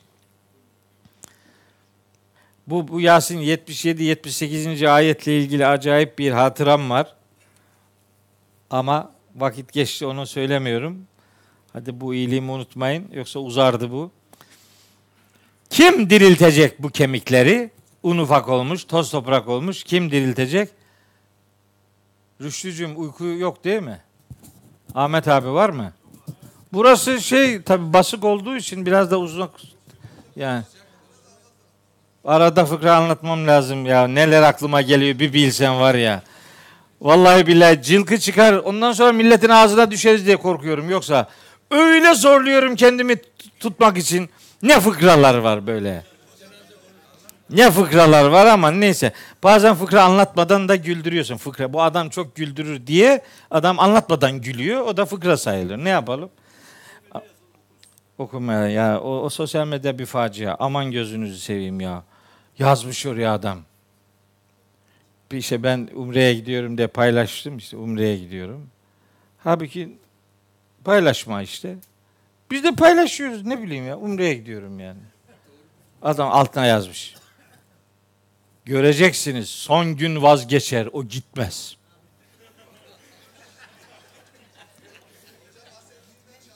Vallahi billahi ya. Bak kaç gün oldu geleli? İşte bir hafta falan oldu biz geleli. Daha yeni. Tavaf yapıyorum.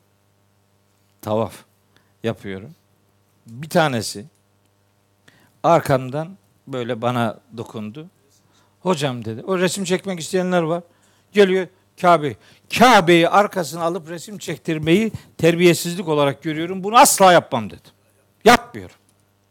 Yapmam bunu ya. Ne bu ne nasıl bir şey bu?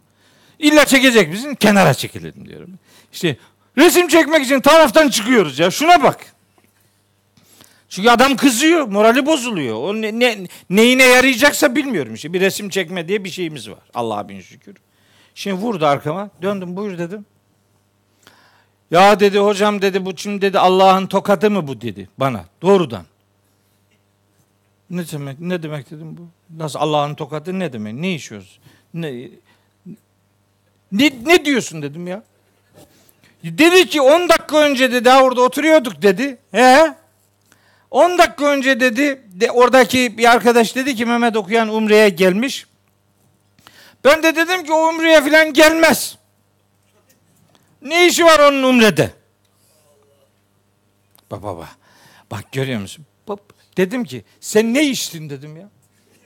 Sen ne yedin burada? Burada da öyle fazla yaramaz bir şey yenmez. Sen ne yedin ya? Ya sen nasıl bir Allah'a inanıyorsun dedim ya. Benim hac ve umre ile alakalı hiçbir konuşmamı dinledin mi? Yok. Hiçbir yazdığımı okudun mu? Yok. Hiçbir dersime geldin mi? Yok. Elin alemin insanı umre sünnettir derken ben farzdır diyenim. Bulduğun her imkanda git diyen adamım ben. Bunu nasıl diyorsun dedim. Hakkını helal et dedi. Hakkımı helal etsem ne olacak dedim. Hakkımı helal etsem ne olacak dedim. Siz bunu kim bilir daha kaç kişiye daha söylemişsinizdir. Siz hangi ahirete inanıyorsunuz arkadaş dedim ya. Ya hücrelerin, düşüncelerin, nöronların sorgulanacak senin be. Bir mümin kardeşinle alakalı düşüncene bakar mısın ya?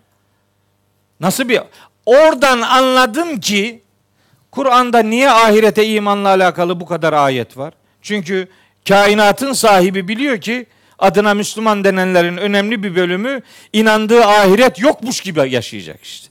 Öyle gidiyor yani. Ne, ama böyle şeyler yaşadım ama başka türlü şeyler de yaşadım. Oo. Öyle acayip şeyler yaşadım ki. Senin anlatımından etkilendim. Umre'ye onun için geldim. Şahidim ol Kabe. Senin beni buraya onun vaazları getirdi diyenler de gördüm. Allah'a hamdolsun. Ben dedim ki ya Rabbi bunun şahitliğini kabul et. Daha öbürü öbürü öbürüne ne diyelim öbürü sıyırmışın teki ya. Orada bazı hocalarla karşılaştım. Bazılarıyla filan. Mesela karşılaştığım bir tanesini söyleyeyim. Ramazan Kayan Hoca ile karşılaştım orada. Öyle sarıldık. Ne güzel orada buluşmuş olmak muhteşem bir şey. Daha başkalarıyla da karşılaştım. Onları söyleyince sıkıntı olabilir söylemiyorum.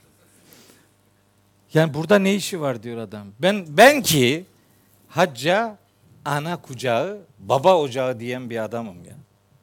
Ben böyle diyen biriyim ya. Bu başkasını, bu çamur bana tutmaz gözünü seveyim ya. Bu başkasına atma gene ama gene de yapmayın yani. Biraz yakışık alsın yani. Böyle acayip gidiyor. Neyse. Öylesi de var, öbür türlüsü de var. Kim kim diriltecekmiş bu e, un ufak olmuş kemik parçalarını? Allahu Teala diyor ki kul bunu sorana de ki yuhyiha Yasin'in 79. ayetini okuyorum. Yuhyiha onları diriltecek. Kim? Ellezî enşe'eha evvele merre. Onu ilk kim yarattıysa o. Çünkü ilk yaratanın Allah olduğunu kabul ediyorlar. İlk kim yarattıysa diriltecek olan da odur. Ve huve bi kulli halqin alimun. Her yaratmayı bilir o. Her yaratmayı, her yaratığı bilir diye tercüme ediyorlar. Ben o kanaatte değilim. Her tür yaratmayı bilir. Nitekim şimdi bir sıra dışı yaratma göndermesi yapıyor. 80. ayet. Ellezî ceale leküm mineşşeceril akdari naran. Yeşil ağaçtan, ıslak ağaçtan, sulu ağaçtan ateş yaratandır. Yani sudan ateş yaratan. Sonra Nur suresinde 40. 41. ayetlerde de bu defa ateşin nasıl yaratıldığını, suyun ateşten nasıl yaratıldığını söylüyor. Yani hidrojen, oksijen, iki molekül hidrojen, bir molekül oksijen, biri yanıcı, biri yakıcı, ikisi belli oranlarda bir araya geliyor. İkisinin zıddı olan söndürücü su yaratılıyor yanıcı ve yakıcı bir araya geliyor, söndürücü su yaratılıyor. Sonra söndürücü su iki farklı ağaçta bir araya getiriliyor, birbirine dokunduruluyor, suyun zıddı olan ateş yaratılıyor. Allah yoktan yaratandır, vardan yaratandır, vardan dönüştürendir, bir şeyi zıddından yaratandır, zıtları bir araya getirip her zıddın zıddını yaratabilendir. İşte öyle. Yasin. Bak tam işte o mezarlığa tam münasip konular bunlar.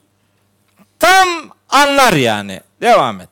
Feyda entum tuqidun. Bundan tutuşturuyorsunuz. Bak öldükten sonra diriltilmeyi inkar edenlere Rabbimizin verdiği cevaplar. İsra 50, 51, 52 ve Yasin suresi 80, 81, 82 ve 83. ayetler. Akıl sahibi olanlar böyle bir inançta zerre kadar tereddüt taşımamaları gerektiğini bilirler. Bir şey daha söyleyip böylece toparlıyorum. Hızlı geçiyorum artık burayı. Kad alimna ma tenqusul ardu. Biz biliriz arzın onlardan neyi eksiltmekte olduğunu. Bakın ne bir cümle var ya. Bu sadece burada geçer bu. Bu cümle Kur'an'da daha başka bir yerde yok. Sadece burada geçer. Cümle üzerinde düşünmeden geçersin. Arzın, toprağın onlardan neyi eksilttiğini biz biliriz. Yani Allahu Teala bizim bilmediğimiz bir şey yok demek istiyor. Bir, kad alimna muhakkaklı, pekiştirilmiş bir ifadedir. Biz biliyoruz. Arzın onlardan neyi eksilttiğini. Ne anladık biz şimdi buradan? Demek ki toprak olmak yok olmak değilmiş. Demek ki bizim bedenimiz toprakta yok olmuyor. Toprağın bizden eksilttiği şeyler var. Hepsi toprakta olmuyor. Hep her şeyimiz toprak olmuyor bizim. Oradan acaba kasıt nedir? Acaba burada biz neyi daha bilmeliyiz diye biraz daha işin içine girince geliyoruz. Mesela Peygamberimiz Aleyhisselam'ın acbu zenep diye bir ifadesi var. Kuyruk sokumu. Orası aynen uçaklardaki kara kutu gibi. Yani diriltilmenin oradan yaratılacağını, başlayacağını söylüyor Peygamberimiz sallallahu aleyhi ve sellem. İşte Buhari'de, Ebu Davud'da, Nesai'de, İmam Malik'in Muvatta'yında, Ahmet bin Hanbel'in Müsned'inde, İmam Müslim'in kitabında bu rivayetler var. Acbu zenep.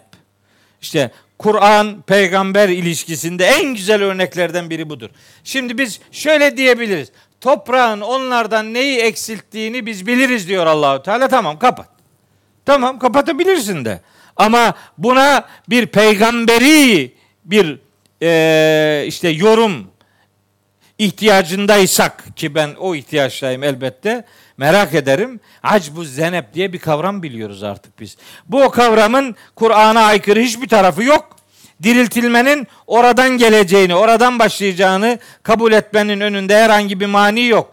Biz mesela iki ayet daha var bununla alakalı.